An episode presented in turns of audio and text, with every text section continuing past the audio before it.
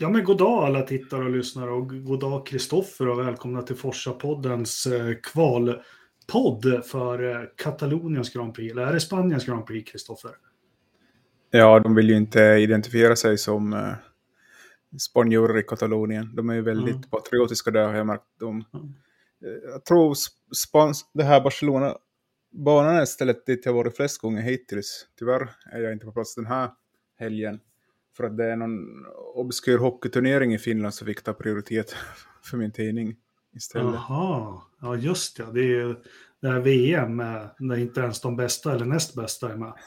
Ja, nej, jag, jag sa det också att det är en som följer den här ligan, men han, jag, jag likställde det med hockeyvärldens motsvarighet till Race of Champions, men jag fick ganska mycket mothugg. Nej, men det tycker jag du gjorde rätt i. Eh, vi har haft ett kval idag och eh, har en del punkter. Dels har det varit otroligt mycket uppdateringar på en del bilar medan alltså en del inte uppdaterar någonting alls. Jag tänkte vi ska prata om det. Sen har jag några punkter också som jag vill ta upp och det är Sainz som kör helt utan självförtroende. Eh, Alpin, vad tusan håller de på med? Leclerc gör misstag som vanligt och drar en ur hatten till slut. Bottas gör det bra och så vill jag prata lite Mercedes. Har du någonting Kristoffer du vill lyfta? Ja, det är ju... Det är ju som du sa, många uppdateringar, nästan alla, alla stall kommer med mer eller mindre uppdateringar, förutom Haas. Men det är ju inte... Det är ju en grej att få de här uppdateringarna att fungera också. Som eh, Aston Martin kan, kanske visar det bäst, att fast de, de har nästan flest förändringar tillsammans med mm. McLaren så var förändringen tillräckligt stor Ja, men vi gick ju in i helgen precis som du sa. Jag tänkte vi kan väl dra lite kort, men eh, vi börjar med Haas då som inte har gjort några som helst eh, uppdateringar på sin bil. De tycker själva att de kan spara på det här. Och det gjorde de väl rätt i, för de kvalar, eh, hur blev det nu? De kvalade 8 och 10 med eh, Magnusen och Mick mm. Schumacher. Och det var väl första gången de hade båda bilarna i Q3. Nu med lite tur med att Lando Norris, men ändå. Ja, exakt. Uh, Norris fick ju sin tid struken där i... Han gick väl över linjen i kurva 12, om jag mm. förstod rätt. Precis. Men han var ju ändå bara några... Var det 200 delar efter, så det var ju liksom marginalfall. Han hade ju ändå en ganska bra tid sen innan, som skulle mm. inte vara långt från Q3 i alla fall. Så han hade ju pace för topp 10, mm. helt klart. Nej, men en bra bas har de ju att stå på. Det har vi sett från början att de klarar av det. För vi som följer Formel 1 väldigt nära gjort det vet ju att Barcelona är ju faktiskt en bana som säger väldigt mycket om det paketet man har. Eh, har gjort så i alla år. Och har man en snabb bil på Barcelona så har man en, en snabb bil överallt, eller hur? Ja, det stämmer ganska bra. Mm. Just när man, den här banan är ju liksom den banan där alla stall har mest data, som man kallar det. Och man kan ju simulera mycket med, nu är temperaturen dubbelt högre än i, jämfört när man var på vintertesterna mm. i februari, men ändå så det är mycket lättare liksom, att simulera hemifrån också, olika strategier och sånt och bilsetup. Mm. Nej, uh, jag håller med och du får ju allt på den här banan. Den är ju väldigt, vad säger man, arrow inriktad. Det gäller att ha ett bra arrow. Vi har ju många långa svepande kurvor. Sen har vi även, förra om åren har man alltid kunnat titta på sektor 3 och då vet man att de som är snabba i sektor 3 kommer det gå bra för i loppet efter på Monaco. Eh, så ni erbjuder lite allting. Eh, men ha som sagt inga uppdateringar, klarar sig till Q3. Eh, Aston Martin har ju varit väldigt här i, i ropet.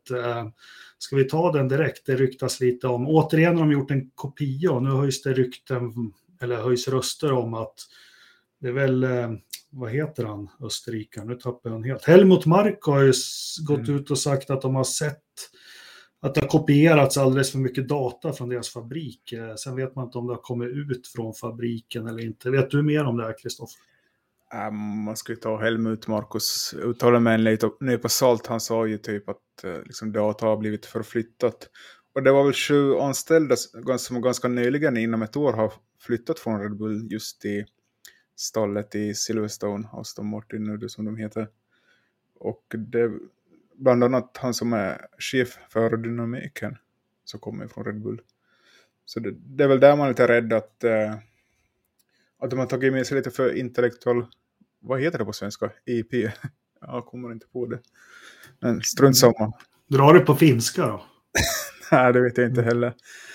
Nej, men liksom man sa ju på ett kontrakt att liksom allt som man ser på det här företaget det är ju liksom standard. De flesta, i alla fall sådana här företag där det ingår ingenjörsarbeten, så får mm. du inte ta med dig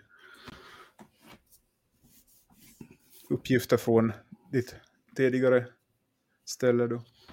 Nej, men det här, det är väl alltid ett dilemma, men vi som har läst Adrian Lewis bok, han, han tycker ju, han fick ju sån här gardening liv för Williams när han gick till McLaren, när han sa, liksom det jag har i mitt huvud kan ju inte jag lämna kvar där. Nej, det är ju den andra sidan av mm, så... kontraktet. Att det som man har sett och hört och liksom kan, man måste ju ändå få utnyttja det man kan. Ja. Nej, men håll dig väl med dina anställda så kanske man inte eh, råkar ut för det här. Men det är en sån bransch, jag tror de flesta som har byggt jobb, bytt jobb, det, det har säkert hängt med någon Excel-fil man tycker var, var bra gjord eller något sånt någon gång. Men hur som helst, den här sagan, jag hoppas att det inte blir för mycket uppmärksamhet och snack kring att det blir något nytt Spygate. Men om vi tar Aston Martin då så verkar deras kopia av, av sidepodsen de har gjort på Red Bull då verkar inte ha hjälpt så mycket, för det var väl det sämsta kvalet någonsin med Fettel som slås ut i Q1 men ändå en halv sekund snabbare än Stroll. Va, hur, hur tror du pappa Stroll domderar just nu? Jag tror de har lite svårt att hitta setupen för den här nya bilen. Det är väl det som har varit... Det är ju en sak att kopiera någonting, men sen hur du ska ställa in en bil är ju en helt annan grej. Och det är väl där de har inga referenspunkter om, de, om de har gjort så stora uppdateringar att de vet. Ja, kanske gick fel med setupen på båda bilarna. Fettel hade förhoppningar om Q2 i alla fall, men han var ju ändå inte så långt ifrån. Vad var det? 700 delar? Om jag kollar rätt. Ja, ja, han var nära, men anmärkningsvärd skillnad på, på Stroll och Vettel, en halv sekund tycker jag.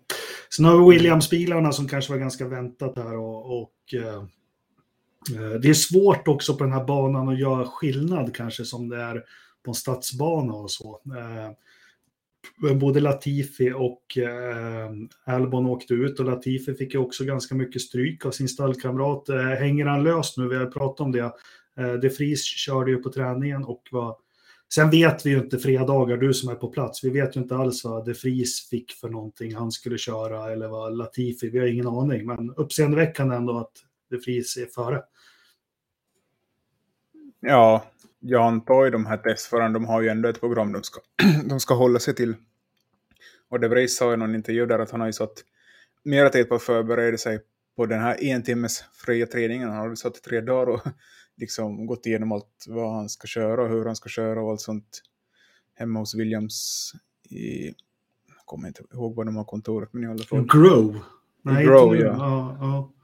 Eller är det där fortfarande? Didcot var det förut. Ja, det är nog Grove, tror jag. Ja, ja. Men i alla fall så... Ja, han var lite snabbare där än, äh, än Latifi. Inte med mm. mycket ändå. Nej, men ändå. Eh, och, jämför vi Kub, Kubica, han harvade ju vidare, han var väl fyra sekunder efter. Men sen hade vi lite extra tjänster för mig eftersom jag bott i Estland och känner många ester. Vi hade estniskt i Formel 1, vilket jag tycker är jätteroligt i fredags. Juri Vips fick köra. Eh, nu var väl han fyra, fyra och en halv sekund bakom. Eh, men ändå kul att en, en sån, vi får nästan kalla det en nordisk nation, eller är jag fräck då? Ah, Finland och Estland har ju nästan inom vissa områden mer samhörighet än Finland och Sverige faktiskt. Ja, absolut. det är ju samma så. nationalsång. ja. Det, vi har ju pratat om det här tidigare på den Finlands nationalsång, Vårt land är fattigt och skall så förbli. Mm. ja, så Estland kanske känner sig likgiltig i den. Mm. Men uh, Jure Vipsson fick ju köra med en väldigt tung bil där under FP1. Ja. Körde till långrans, så därför var inte högre till sist. Jag tror han skulle kunna klämt ut en topp 10-tid om man fick chansen med en lätt bil, helt klart. Men kul ändå, Estland är otroligt litet land. Eh, ingen motorsporttradition, jag tror inte det finns den bästa backningen heller, så det, det är kul att se att, att det hämtas lite förare därifrån och inte bara från andra ställen av jordklotet. Ja, men han blev lite omkörd av eh, den här japanen som kör Alfa Tauri. Plus att han har inte levererat resultaten de ville skulle vara i F2. Han har ju grusat ganska många lopp redan, senast idag i sprintloppet så attackerade han för femte position och flög ut i gruset. Så han, jag tror inte han har många år kvar faktiskt i Red Bull. Nej, det, det, är nog bara det här året. Vi vet ju historiskt också hur tufft det är. Jag kommer ihåg Carlos Sainz när han körde juniorteamet. Det var alltså, han fick uppdrag. Det är vinn. Han körde ju Formula Renault 3,5. Han var ju aldrig i F2. Men det var liksom, vinner du inte den här säsongen då är du ute. Så tuffa krav. Men det ska det vara på den här nivån. Ja, man kan inte vara för mjukig heller. Nej, precis. Tänk om alla skulle åka runt och vara Bottas. Va? Nej, jag skojar. Eh, vi håller oss kvar i Q3 som vi sa. Alonso åker ut. Ja, han hade strul med eh, han hade strul med trafik och fick inget bra varv. Men strunt i samma. Och Con var ju också på det så kallade håret. Eh, Alpin har jag hållit, och innan de hette Alpin Renault också. Jag har ju trott sedan 2018 att ge dem två, tre år och få ordning på grejerna. Men det händer ingenting med Alpin och jag börjar bli förbaskat besviken alltså. Det, det här är ett fabriksteam eh, med en fin, vad heter det, pedigree, vad säger man på svenska? Min hjärna är ganska mörn efter. Ja, nej, men det, det, finns ju ett DNA där i Enstone ända sedan de hette Toleman. Att, att bygga ja. bra och fina bilar och vara lite innovativa. Och ja, de hette ju Benetton och Renault eh, däremellan. Då, och eh, de har alltid lyckats. Och de lyckades även med små medel när de hette Lotus när Kimmy körde där 2012 och 2013. Så nu när de har resurserna och bra förare och precis allting, vad, vad händer med alpin? Vet du något? Hur pratas det på banorna? För det här är ju katastrof. Ja, vissa lopp gör de lite bättre än andra. Fernando har ju haft mycket oflyt och sånt här. Jag minns ju i Melbourne så var jag nästan, skulle kunna kvala in på en fjärde plats. Så jag, jag ser väl det inte någon katastrof, men att uh, lite för många misstag gör de, både förarna och stallen. Det är kanske de de ska eliminera. Idag så var det ju... Det var ju någonting med luckan där. Det var många som pratade om det efter kvalet också. Det var ju någonting med att Delta Ted de skulle hålla sig till för att få rätt däcktempo och allt sånt. Nu var det ju eh, Norris som var i vägen för Alonso. Men sånt där måste stallen ha koll på också släppa ut. Man behöver inte gå ut sist på banan alltid utan man kan ju liksom åka ut lite tidigare och säkra upp för att ta sig vidare till Q3 och Q2. Så det är ju misstagen de måste få bort för jag tror att de har ett bra koncept som passar på majoriteten av banor.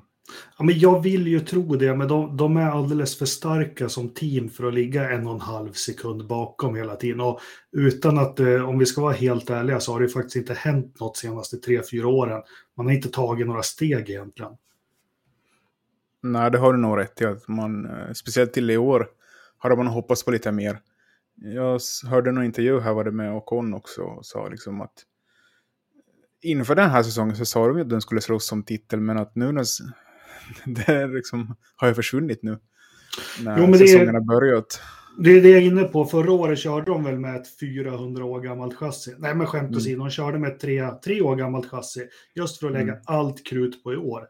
Och de har liksom inte, de har inte kravlat sig upp någonstans. Men trist ändå, Alonso, eh, 41 bast snart, kör, eh, han är fortfarande stor i Spanien och eh, nej, det eh, var inget kul alls. Nej, eh, lite synd. Jag skulle vilja ha Alonso i topp 10 varje lopp, för han är ju alltid imponerande att se på. Mm. För det här loppet skulle behöva en Alonso som startar sjua och går upp till tre, tredje efter kurva tre. Uh, ja, men han gör ju alltid det i Barcelona. Uh, nu kommer vi inte få se det, men han tar ju alltid yttern i kurva 3. Mm. Uh, det har han gjort sedan Curse uppfanns, för då brukar han tumma batteriet där i kurva 3 på yttern. Men som sagt, vi, vi får se imorgon. Flyttar över lite till Q2, där, där landar väl bitarna lite som man, eh, eh, som man har tänkt sig. Det är fortfarande lite frågetecken för Gasly och eh, Alfa Tauri där som inte verkar få helstäm på sin bil, eller? Ja, jag är lite besviken över, med tanke på vad de presterade förra året. Att de, nu har du de bara med en ny bakvinge hit och fortfarande har de inte resultat som eh, där man förväntar sig att de ska vara, helt enkelt. Nej, och eh, kinesen 15 plats, han behöver komma lite närmre, närmre Bottas nu tycker jag. Ja, Gasly Sunoda har vi sagt. Eh, Norris åker lite oturligt, eller regler regler. Han åker ut i Q2. Och vilka har vi mer? Och Con får flytta på sig. Vem har vi mer som åker ur Q2? Ja, det är inga mer. Det är Nej, alla. det är inga mer. Schumacher var ju på vippen att uh, åka ut, men... Ja ja, men kul ändå med, med en... Eh, med en Q3 för Schumacher. Men om vi hoppar direkt in på det som är oroväckande, oroväckande för Schumacher. Vi vet ju att han är lite slow starter i, i klasser och sånt. Men vi tittar på kvalen, både Alltså han är åtta tiondelar nästan bakom Kevin och så har det sett ut hela säsongen. Han behöver ju spöa Kevin ganska rejält för att, för att ha någon framtid, eller blommande framtid. Vad tycker du? Mm. Ja, han har ju blivit känd som en late bloomer och de gångerna han har vunnit VM i, i F3 och F2 så det var ju inte någon jättehård konkurrens de säsongerna när han vann. Så ja, det krävs ju nog att han... Jag vet inte riktigt vad han ska göra. Han är lite fast i den där positionen. Haas är ju förstås känt för att köra med samma förpar för en lång period och jag tror inte Mick hänger så löst ändå. Nej, jag tror inte han hänger löst där, men jag tror manegen är ju krattad för honom. Eh, det vi pratade om tidigare också, skulle det bli Alfa Romeo eller Haas, men Ferrari-kopplingen finns ju där eh, och han har fått stöd av dem. Men återigen, han behöver verkligen vara han behöver inte vara kloss rygg på Magnusen, han måste slå Magnusen för att kanske Ferrari ska känna om tre, fyra år att det här är något att satsa på. Mm. Men, ja, mm. men som det är nu är det ju inte fy skam att sitta i en, i en has heller, eh, om vi ska vara helt ärliga. Och fy skam är det inte heller att sitta i en Alfa Romeo. Särskilt inte om du heter Valtteri Bottas, för han, eh, han imponerar och får alldeles för lite cred tycker jag i tv-sändningar och överallt. Eh, återigen eh, är han precis i rygg på, på Hamilton, eh, ja, i ett stall och i en bil som inte borde vara där uppe. Eh, Trivs han väldigt bra i Alfa, eller vad är det som har hänt tror du? Ja, det är att han slipper köra under press. Det är ju helt klart. Eh det som var ganska tungt för honom i Mercedes, han trivdes ju inte att han hela tiden var presterat var så nära och liksom skulle helst vara före Lewis. Och han var ju väldigt nära under de fem åren ändå i kvaltrim. Sen i, i race så hände det ett annat. Men eh, känns ju som, sen så fattades ju den här perfekta helgen för Bottas ännu. Uh, igår hände det ju någonting med motorn som gjorde att han fick stanna på banan.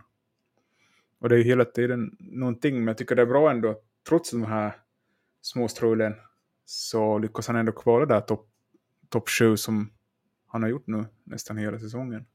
Mm. Det är väl bara Melbournes GP han har kvalat utanför topp 10. Och om vi ska vara helt ärliga så har väl inte vi, vi som har följt stallet eftersom vi har haft svensk tid och när det är ja, Sauber så så här långt upp har de ju inte haft en bil kontinuerligt sedan 2012 tror jag. När Perez satt den på prispallen och kvalade bra några gånger så eh, ja, men, eh, eh, jättekul för ett stall som utåt är ganska blekt och för en förare som utåt är ganska blek också. Nej, uh, skämt åsido, jag, jag tycker han gör det otroligt bra. Jag hoppas att han får en, en sån här riktig fullträff någon helg. Ja, det är ju det jag sitter och säger över nästan varje, varje poddavsnitt, att vi väntar på den perfekta helgen från Bottas. Då, då kommer han stå på podiet. Absolut. Vi knäpper över, han är ju faktiskt ja, inte ens en tiondel bakom Mercedes. Det har ju varit inför helgen, Mercedes har kommit väldigt mycket nya uppdateringar. Det ska ha fått ordning på studsen som ser bättre ut. Eh, har kört, eh, ändå har det sett rätt lovande ut att man tror de har, har hittat någonting. Men när, när vi stänger böckerna efter det här kvalet så är Hamilton nästan åtta tiondelar efter Leclerc. Så vad säger vi om, om Mercedes? Ja, vad ska vi säga? Det, det är väl, de är väl där de har varit. Trots att de hade lite... de har ju kommit lite framåt, men det är ju en sak att komma ifatt och sen en sak att, att komma om också. Det är ju det som är grejen, att uh, Ferrari och Red Bull står inte stilla heller, så det Mercedes måste ju hämta in det där försprånget, plus öka lite till. De måste nästan mm. ha hämtat dubbelt med tid jämfört med mellan Red Bull och Ferrari. Det är det som Precis. är så tungt för dem. om man vill säga differensen mellan Leclerc och, och Hamilton då, ja, med 7,5 tiondel, det är ingen man hämtar hem på en säsong så här. Uh, Barcelona är rätt avslöjande och jag tror det är där de är. Men något som är uppseendeväckande det är att återigen har George Russell har ju den här tiondelen på Hamilton. Uh, är Lewis stressad över det eller sitter han lugnt i båten? Jag tror Lewis är mer fokuserad på att få, få sitt i ordning Spela är... in en skiva igen. Ja, exakt. Nej, men eh, du kan ju inte fokusera på vad din stallkamrat gör när du själv inte kan prestera på topp. Så i alla fall, han borde fokusera på sig själv och inte tänka på vad, hans kvalkamrat, stallkamrat presterar. Tänker jag i alla fall. Nej. Och jag tror jag har varit inne på det i, i poddsändningar förut. Det, det är inget unikt i en dålig bil med en ny ung stallkamrat som vill upp så, ja, det här med att köra på tens, tenth, tenth eller vad de säger, engelsmännen, alltså att du, uh, jag tror George Russell är kanske mer motiverad att piska varvtider ur den där bilen än vad, vad Hamilton är. Uh, Ja, det är lite samma som när Sainz och Leclerc körde förra året. de, var, de är där lite i sin egen klass i startfältet mm. och ja, Science vann ju där över en hel säsong också. Så det är väl, mm. jag ser mycket lika tendenser där i Mercedes i år. Mm. Nej men intressant ändå. Sen har vi i vanlig ordning Perez är ju ingen superkvalare, det, det vet vi, startar femma. Russell eh, klämdes in där i, eh, som fjärde plats. Eh, Carlos Sainz kör helt utan självförtroende. Ja, jag vet inte vad det är med honom. Mm. Och, och, med det menar jag inte att han kör dåligt, men det här som krävs för att Ja, men de här två tiondelarna som han behöver på sin stallkamrat, de finns inte där. Och eh, med det som har varit den här säsongen, undrar om han är orolig att ta den här bilen till gränsen, om du förstår vad jag menar. Litar han inte på den? Ja, det ligger nog någonting i det. För det känns ju som att han aldrig utmanar bilen på samma sätt som Leclerc gör.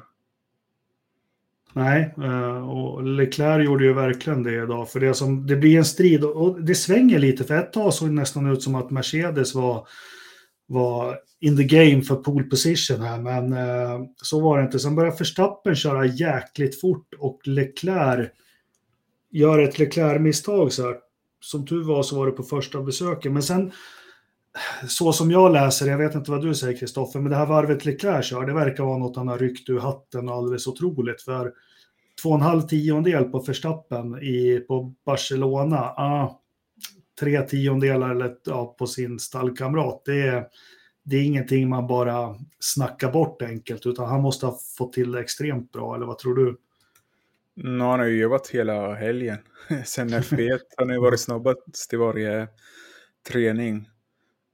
Och eh, nu har, han åkte ut också lite tidigare än alla andra på sitt sista kvalförsök för att just få den här lugna ron. Jag tror det var 20 sekunder kvar på klockan när han gick över mållinjen, så han hade ju ändå mycket spelrum ifall det skulle skita sig. Och det är ju sådana små grejer man, han kan göra för att liksom få den här lugna ron och kan sätta ett bra kvalvarv. Nu fick vi aldrig se Verstappen eh, göra sitt motförsök, så vi vet ju inte vem som i teorin var snabbast då. Nej, och vi går in i ett lopp. Jag tänkte bara slutföra kvalet. Nu blir jag väl halshuggen av lyssnare igen. Eh, jag hade ett ganska stort gäng på besök här som tittade både FP3 och kvalet. Jag började ledsna på det här kvalformatet med Q1, Q2, Q3. Jag tycker inte det är kul eller spännande längre. Eh, alla som har lyssnat på det här nu vet ju att jag är ett stort fan av tolvvarvskvalen från förr. Jag vet inte om det är rätt väg att gå, men jag tycker de här de börjar bli lite enformiga på något vis. Det är mycket dödtid faktiskt. Ja, det blir ju en transportsträcka för de bättre stallen inom citat. Jag vet inte om man ska kolla dem, men många av förarna ska ju bara ta sig igenom Q1 och Q2 utan liksom större prestation. Det är väl det som tar bort det för mig. Jag skulle hellre se en Q1 och Q2 bara. Ja, eller det som var med 12-varvskvalen som man tyckte det då gjorde du i regel tre försök eller fyra försök, men då var det gällde någonting första kvarten på kvalet och andra kvarten och tredje och sista kvarten också på något vis. Men som sagt, det kanske är dags att börja titta på en ny ordning eller så eh, vi som var åskådare här var ganska överens om det, att som du säger, Q1 är ju faktiskt ganska tråkigt, eh, utan det är en transportsträcka till sista, två, sista försöket till Q2, då börjar man liksom luta sig framåt och titta lite. Ja, ja, vi, vi får se vad det blir det. Men vi, vi går in i ett lopp imorgon som jag skulle säga är inte så ovisst. Vi har faktiskt hunnit innan vi sänder ut den här podden och titta på lite longruns och, och göra, nu är inte jag någon, någon mästare på det, men jag har gjort lite analyser och det, det som är väldigt tydligt är att eh, Ferrari kommer inte vinna. Jag var säker på att Ferrari skulle kvala etta, tvåa och de, de har ju det här, de tuttar ju på däcken ganska bra, men Eh, deras longruns ser inte alls bra ut och jag hörde kommentatorer också sa att när Red Bull och Mercedes framförallt har lyckats få ut varvtider, två varv ur däcken, så har Ferrari bara lyckats få ett varv. Så jag, jag tror det här blir en defilering. Max Verstappen efter första depåstoppet så kommer han defilera i mål och jag tror även man kommer få upp Perez där. Eh, tror faktiskt att McLaren, eller eh, Mercedes med Russell kan hota Ferrari-bilarna. Vad säger du? Ja, jag är nog ganska enig i det där. Jag tror Verstappen tar, tar Charles ner till första kurvan. Och Leclerc kan inte ljuga om det här heller. Han har ju sagt det både efter FP2 och nu efter kvalsäsongen att deras long run pace så finns inte där. Att de äter ju däck mycket mer än Red Bull. Så, ja. Mercedes på pollen, ja. Jag tror nog Ferrari är tillräckligt stark för att ta hålla bort Mercedes från pallen. Men uh, Verstappen borde nog få en ganska lätt resa imorgon. Ja. Ja, vi får se om det blir ett klassiskt Barcelona-lopp med en segrare som vinner med 43 sekunder. För det, ja. det, det är ett riktigt Barcelona-race för mig. Ja, det är jag genom Jag har ju sett lite F3 och V-series och F2 idag och det är ju samma sak där. Mm. Om de inte kan köra om i de här mindre klasserna så ja, hur ska man göra det i F1 då? Ja. Ja, det får vi fråga oss. Du, ska vi, ska vi våga oss på att Bottas slår sig in i topp 6 imorgon? Är det det vi ska hoppas på? Ja, jag tror ju någon i topp 6 kommer ha något strul eller någonting. Det brukar inte gå som på Strömsö för allihopa. Vi får väl se om det ryktas om att det var otroligt varmt idag och ska bli varmare imorgon upp mot 40 grader. Eh, sist det var så här varmt hade ju Red Bull problem med, vad var det, bensinpumpen eller något sånt, att det låste sig. Får se om mm. de har kommit till rätta med det. Sen har vi lite, eh, vi såg ju Haas idag, vi har ju sett McLaren och sånt tidigare, problem med överhettande bromsar. Så vi får se om värmen blir en faktor imorgon. Mm. Nej men ja, men loppet ska ju köras också, det är ju alltid det. Ja. Här flyger flosklerna. Här vet jag inte om om det blir två stopp eller om någon chansar på en trestoppare. Nej, jag hoppas på en enstoppare. Det är ganska ovanligt också för Barcelona. Ja, jo det, det har du rätt i. Vi har inte ja. sett så många, mycket körning på hårda däck utan eh, och nu har de nästan bränt alla soft. Nämnvärt där också, Leclerc sparar ju ett ja. softdäck Q2 för att ha någonting extra att hämta. Sainz också va? han, satt väl också, han satt väl också kvar? Oh, jaha, okej. Okay. Jag tror ja, båda Ferrari-bilarna satt kvar. Ja, de, så, de vill ha ett extra soft, för det hände väl i Miami, de hade ju inga nya Nej. soft att lägga på, så det var ingen vits att gå in när det kom en safety car, så nu ville de väl försöka utsmarta sig själva. Precis. Ja, nej men det blir det är alltid kul med Formel 1. Eh, vi har lite Indy 500 också. Uh, har de börjat köra lite kval och uh, träning, träning är det på. Uh, som man kan titta på. Det, det jag vill ha sagt med det, det var väl att det var någon rackare som kom upp i 391 kilometer i timmen igår. Mm. Mm. Vad hette han? Anders Lövström. oh, det är därför han inte är här. Nej, han, han, har drevat om så han går lite fortare nu. Jag kommer inte ihåg vem det var, men eh, uppseendeväckande. Det är gräsligt fort. Men mm. klockan börjar ticka upp mot en halvtimme och det är väl där vi försöker hålla de här kvalpoddarna. Uh, jag hoppas det har gett er något. Uh, får tacka er som har lyssnat, får tacka er som tittar och uh, podden är tillbaka igen på måndag då vi pratar ner det här loppet och eh, vi önskar alla en god tittning imorgon söndag, eller hur Kristoffer? Ja, ladda upp med lite nachos och vad man heter i Spanien. Na nachos och, ja, och så est, vad heter det, Estrella alkoholfri ska man väl ha då. Ja, exakt. Uh, uh, ja, men det är ju fullsatt i alla fall, så vi hoppas de som är på plats i alla fall får en bra show. Jag ska göra en gazpacho imorgon, en kall, det ska jag göra till loppet. Gud vad gott. Ja, det låter underbart. Ja, jag kan komma till ditt skandinaviskt designade hem som vi ser här i bakgrunden och bjuda dig på det. Det är väldigt vitt och fräscht du har det, så där skulle jag vilja ha. Ja, det är kliniskt vet du, som i Formel 1. Mm, det är precis, jag tänkte säga, det ser ut som ett garage, Formel 1-garage där. ja, eh, liksom, det, är inte, det är inte det här Indycar. Nej, bara, nej, nej som, det är, som det är här bakom mig. jag, bara, jag bara jämföra så här att Indycar är F1s uh, lite galna kusin från väst. Ja, jo, men det, det ligger någonting i det. Men det kan faktiskt ha sin charm ibland eh, på något vis. Ja, men nu ska man kvala i sex timmar för ett Indy 500. Jag fattar inte liksom. Mm. Ja. Man hinner göra mycket annat på sex timmar. Fast än. försök, och jag, ni andra som inte är intresserade, men Indy 500, eh, när man lär sig eh, eller lär sig, när man sätter sig in hit och tittar på det så är det jäkligt spännande. Och för mig började den resan, jag alltid tittat på Indy 500. Men det var ju när Alonso kom över första gången och körde. Jag följde det slaviskt.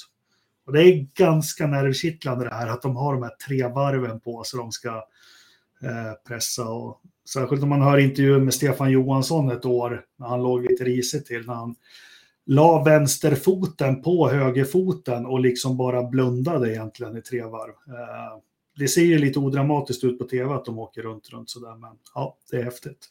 Men hörni, eh, tack för idag och på återhörande på, på måndag. Som Kristoffer sa, ladda upp med lite nachos och alkoholfri öl så blir det här superbra. Ja. Tack ska ni ha. Ja, tack. Hej då. Hej då.